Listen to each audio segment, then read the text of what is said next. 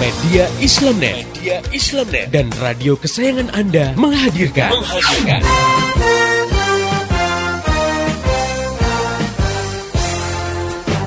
Voice of Islam. Voice of Islam. Voice of Islam.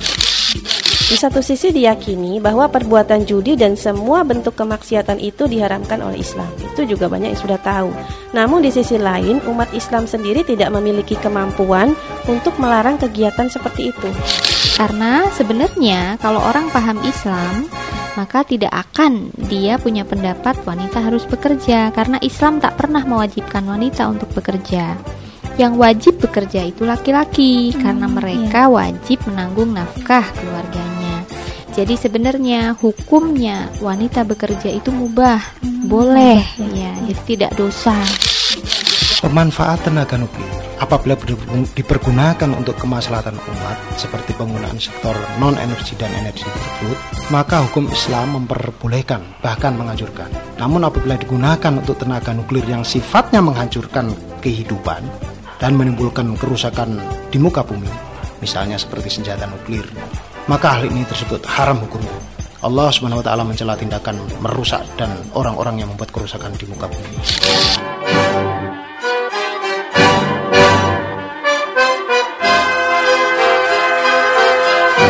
Voice of Islam. Voice of Islam. Voice of Islam.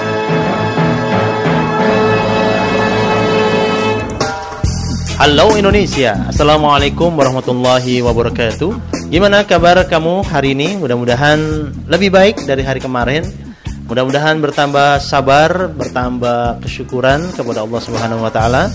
Baiklah sobat muda, kembali hadir di ruang dengar kamu program Voice of Islam kerja bareng media Islamnet dengan radio kesayangan kamu ini. Dan kali ini kembali hadir rubrik cerpen remaja islami sebuah rubrik yang menampilkan cerpen-cerpen untuk remaja yang islami dan insya Allah pasti bagus. Yang dari situ kita bisa mengambil pelajaran-pelajaran dari cerpen tadi. Bersama saya Umar Abdullah sebagai pembaca cerpen. Dan kali ini cerpen yang akan saya bacakan berjudul Sadarlah Do karya Iwan. Sebuah cerpen yang bagus menceritakan tentang adanya kekerasan di sekolah yang nampaknya akhir-akhir ini mencuat lagi kekerasan di sekolah dan kampus. Nah, beginilah jalan ceritanya. Resah dan gelisah menunggu di sini di sudut sekolah tempat yang kau janjikan ingin jumpa denganku walau mencuri waktu berdusta pada guru Sobat muda, di setiap sekolah pas awal tahun ajaran baru biasanya punya acara ritual yang hampir sama. Ospek. Satu kata yang bikin bulu kuduk siswa-siswi baru pada berdiri. Meski kamu jangan keterlaluan nuduh mereka jadi mirip Landa. Habis, seperti yang sering diberitakan di koran, televisi, dan radio, selalu aja ada kejadian yang bikin ospek itu kedengaran serem bin ganas. Entah itu mahasiswa atau siswa jadi korban kebiadaban ospek. Ada mahasiswa yang mati gara-gara disuruh lari bermil-mil padahal ia sedang sakit. Ada calon mahasiswi kedokteran yang disuruh nelen kodok Nah, ini bukan suike alias sidangan kodok ala Mandarin. Pokoknya macam-macam deh. Sobat muda, memang ospek udah jadi barang terlarang. Pokoknya dianggap bahaya laten, ya mirip-mirip PKI oleh banyak kampus dan sekolah. Tapi kalau kamu pikir ospek udah mati, kamu salah besar.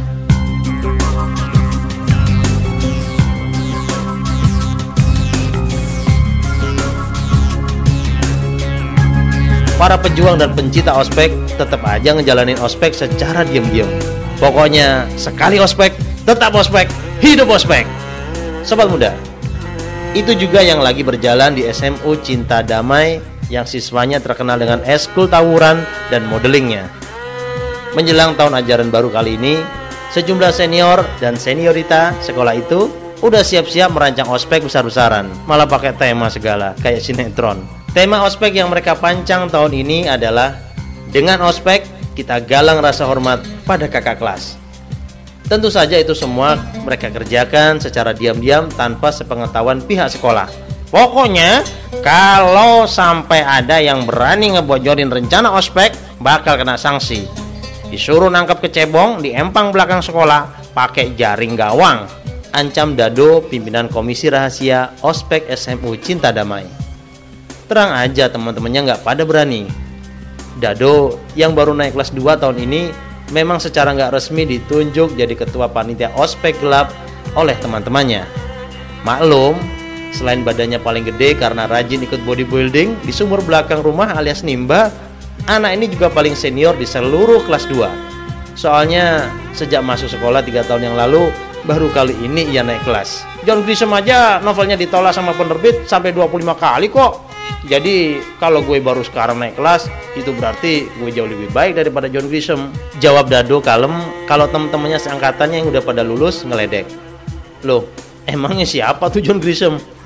Nah, Dado nggak bisa jawab. Soalnya jawaban itu cuma dia baca sekilas di kertas koran bekas bungkus ikan asin. Mana pernah dia baca novel The Client atau Pelikan Briefnya John Grisham.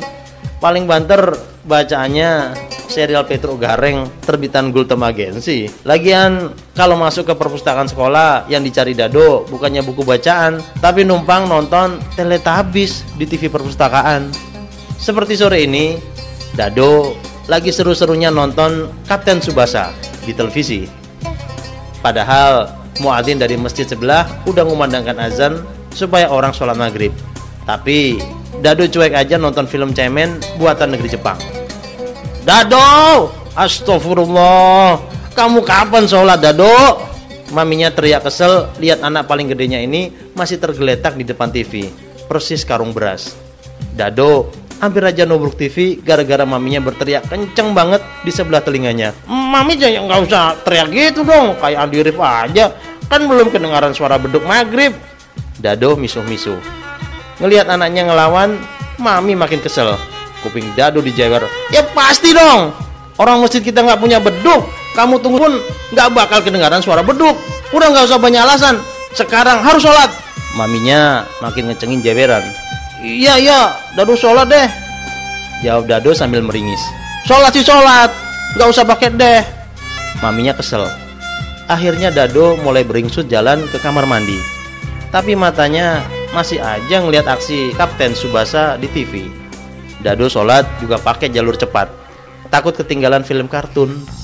Biasanya pakai surat Al-Ikhlas sama Al-Kausar.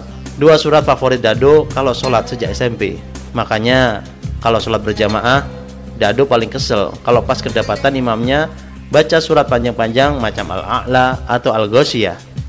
Pernah waktu taraweh bulan puasa lalu, ia sampai ketiduran pas waktu sujud. Karena softnya paling belakang, nggak ada satupun orang yang nyadar kalau ia udah tidur. Bangun-bangun, ternyata jamaahnya udah pada bubar. Walhasil, Dado cuma numpang tidur di masjid, bukan tarawih.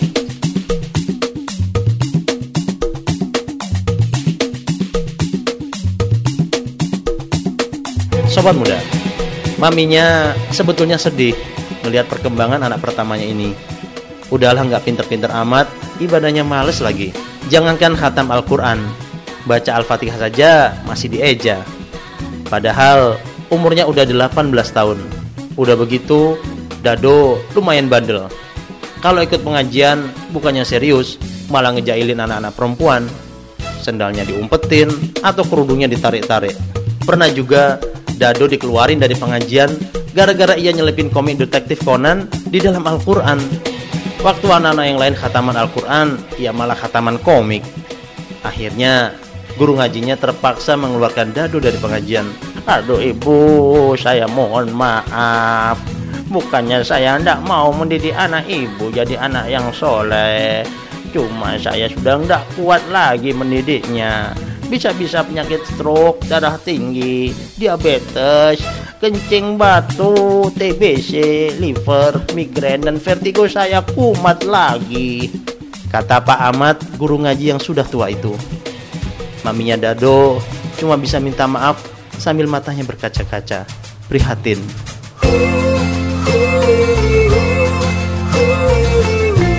Sobat muda, tapi Mami nggak pernah putus asa. Nggak bosan-bosannya Mami nasihatin Dado supaya mau ngerubah kelakuannya yang nggak dewasa itu. Setiap sholat, Mami juga nggak pernah lepas ngedoain Dado supaya kembali ke alamnya. Eh, ke jalan yang benar. Biar sadar, tobat, dan jadi anak yang soleh.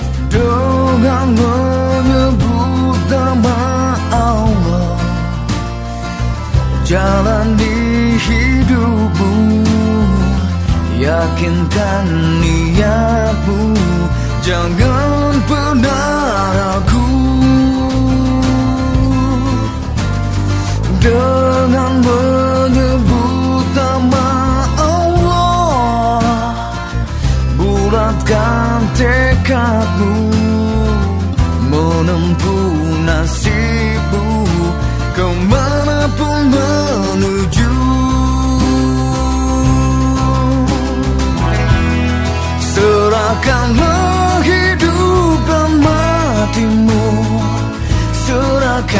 pada semata. Serahkan duka gembiramu. Agar damai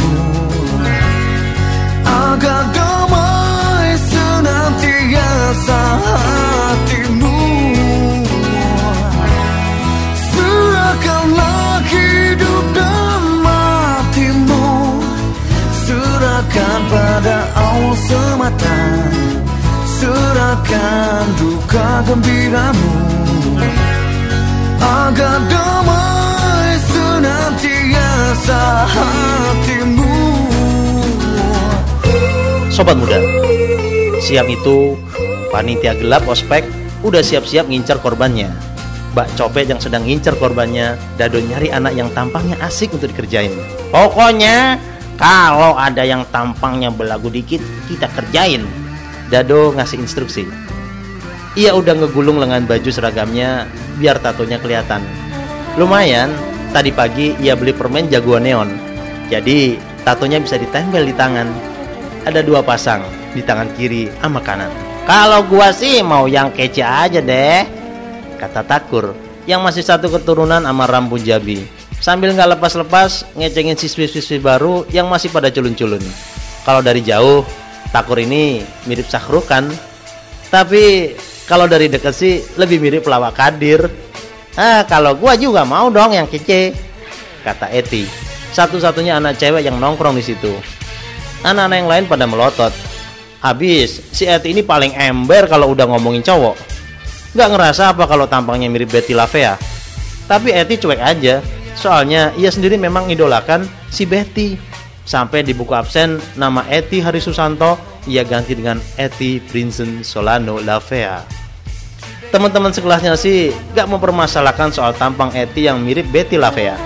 Potongan rambut, kacamata yang gede, plus kawat gigi. Cuma satu yang mereka sesalkan, Eti itu malas sikat gigi. Jadi kalau senyum bukan cuma kawat giginya yang menjeng, tapi bayam, kangkung, dan toge sisa sarapan tadi pagi juga ikut nampak di sela-sela kawat gigi si Eti itu. Ih, jijai. Tapi sampai istirahat kedua, mereka belum juga dapat korban. Malah Pak Marzuki yang guru agama nyamperin mereka. Hei Dado, kamu lagi apa? Jangan cari gara-gara dengan anak-anak kelas 1 Kata Pak Marzuki yang apal betul dengan kelakuan Dado. Oh enggak pak, enggak. Kita nggak punya pikiran sesat seperti itu.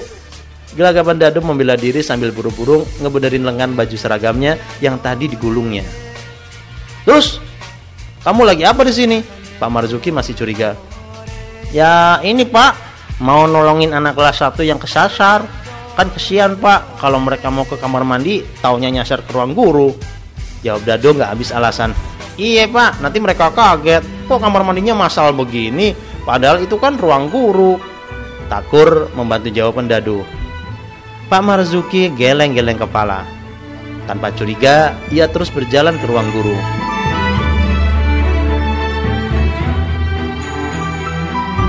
Enggak lama kemudian, seorang anak kelas 1 jalan di lorong sekolah. Kepalanya gundul. Kontan dado gembira dapat korban. Nih nih sasaran kita. Kata Takur juga senang. Cuma Eti yang nggak suka. Habis, botak.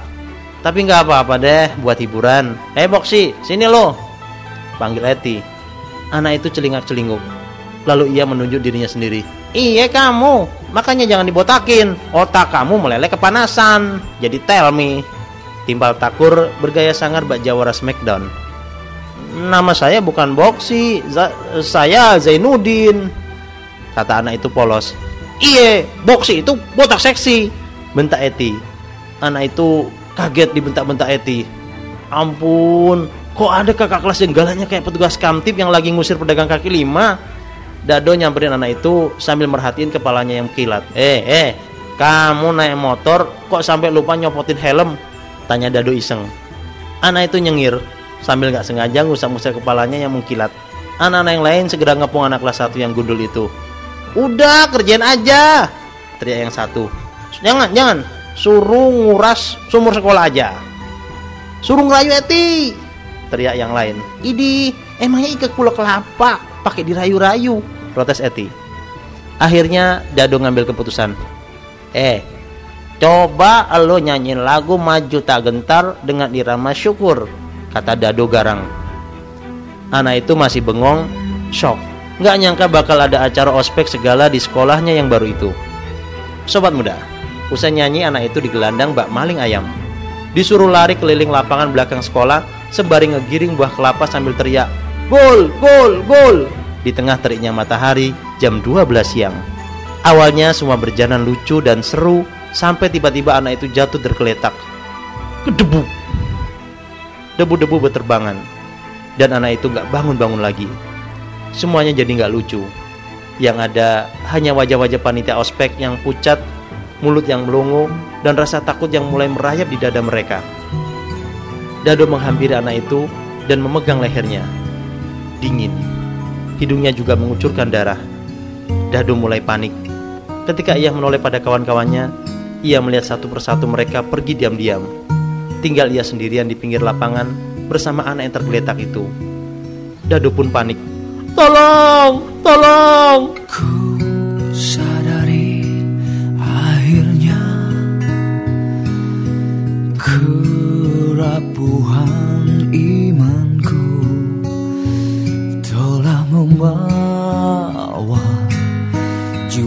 dan ragaku ke dalam dunia yang tak tentu arah. Ku sadari akhirnya Kau tiada duanya Tempat Beraneka pinta Tempat berlindung Dari segala mara bahaya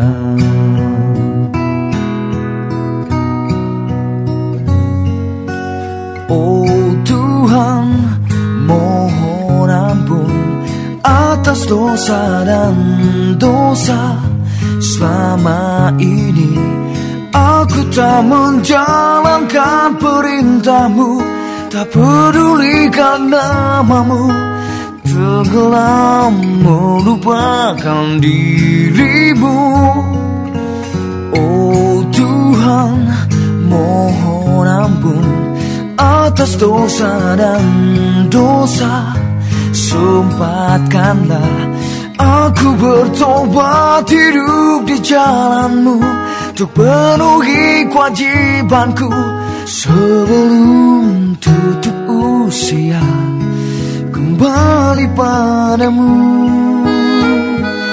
oh, Kembali padamu oh. Udah do, yang penting kamu sudah minta maaf. Mami menenangkan Dado yang nangis sesengguhan di ruang guru. Ya, setelah anak yang bernama Zainuddin itu pingsan di tengah lapangan, Dado akhirnya menggotong anak itu ke ruang guru. Kontan saja seisi sekolahan ribut. Untung anak itu nggak apa-apa, cuma pingsan gara-gara kepanasan. Begitu digosok balsem, anak itu segera sadar. Apalagi setelah dikasih segelas teh manis dan sepiring bubur ayam, anak itu jadi bugar kembali. Malah minta nambah.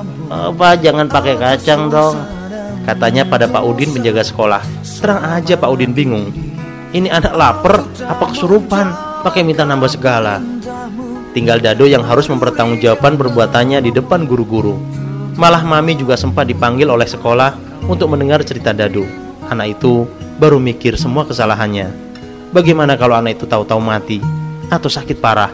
Apa yang harus ia bilang sama mami bahwa anaknya seorang pembunuh? Ah, Dado jadi ketakutan sendiri.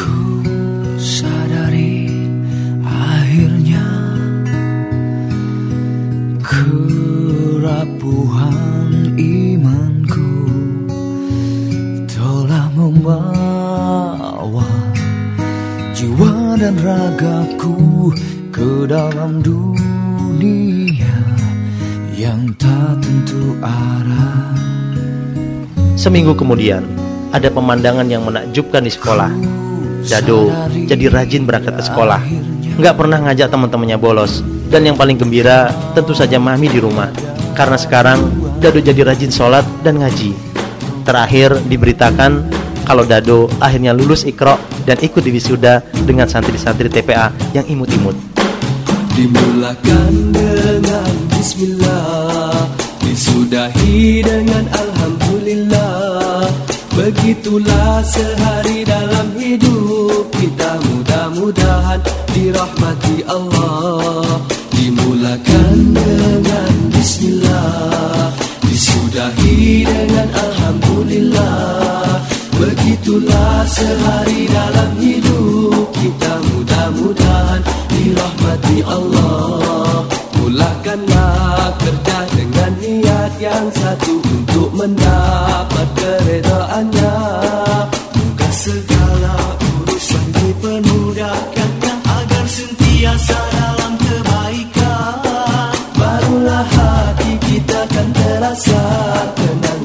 bersyukur dengan apa yang ada. Dimulakan dengan Bismillah Disudahi dengan Alhamdulillah. Begitulah sehari dalam hidup kita. Mudah-mudahan dirahmati Allah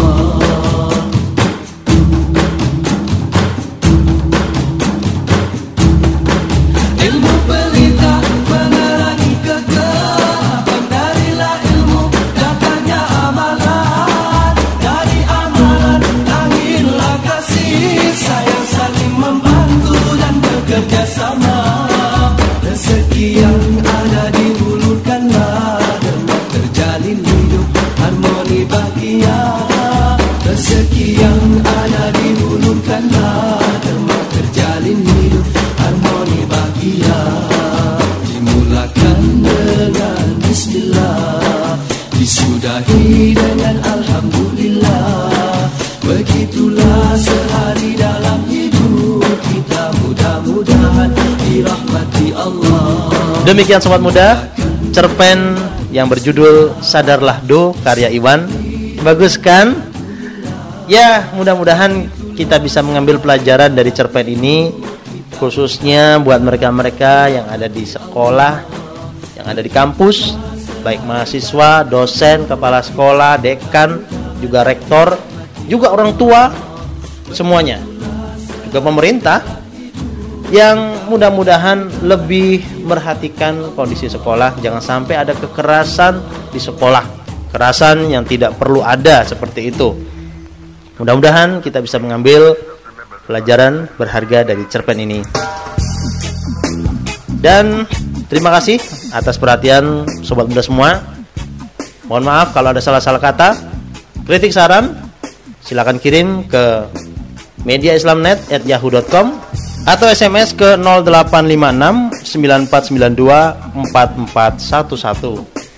Saya Umar Abdullah mohon pamit dan insya Allah esok hari akan ketemu lagi dengan Voice of Islam di waktu dan gelombang yang sama.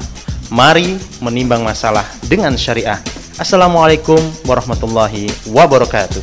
Jagalah hati, jangan kau kotori Jagalah hati cahaya ilahi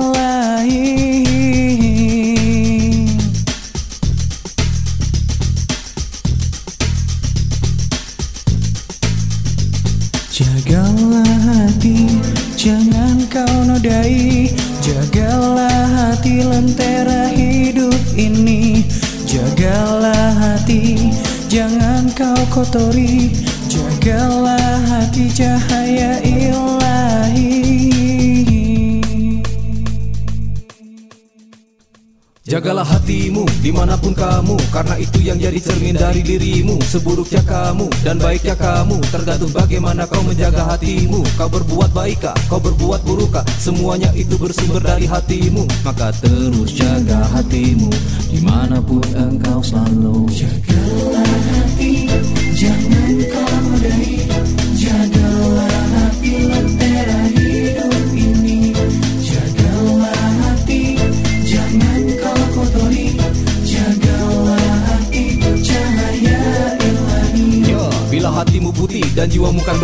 Pikiranmu pasti jadinya semakin jernih. Bila hatimu gelap, pikiranmu terlelap Tutur dan tingkah lakumu bisa jadi kalap. Cahaya ilahimu kan terangi hatimu Menjadi penuntun arah setiap langkahmu. Maka terus jaga hatimu Di mana pun engkau selalu. Jagalah hati, jangan kau nodai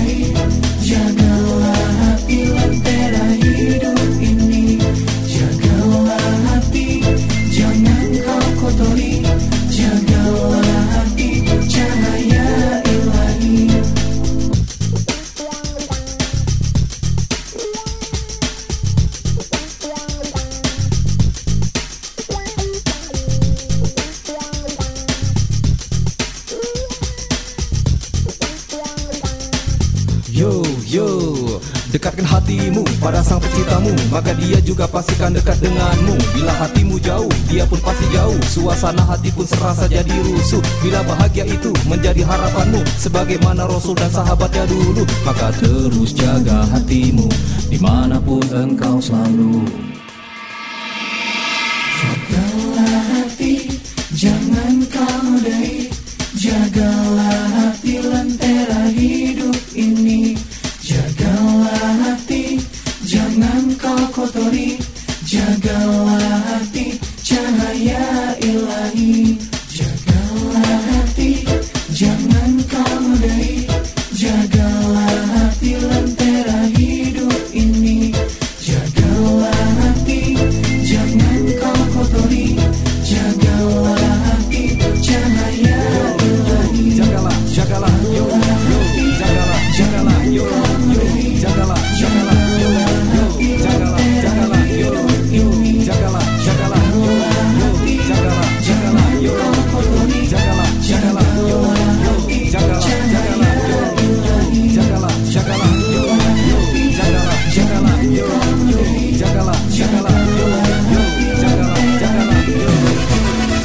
Demikian tadi Voice of Islam. Voice of Islam. Semoga hikmah yang terkandung bermanfaat untuk kita semua. Amin, amin, amin. Ya Robbal Alamin. Kembali bisa Anda dengarkan Voice of Islam. Voice of Islam menghadirkan topik-topik seputar kehidupan kita esok hari di waktu dan gelombang yang sama.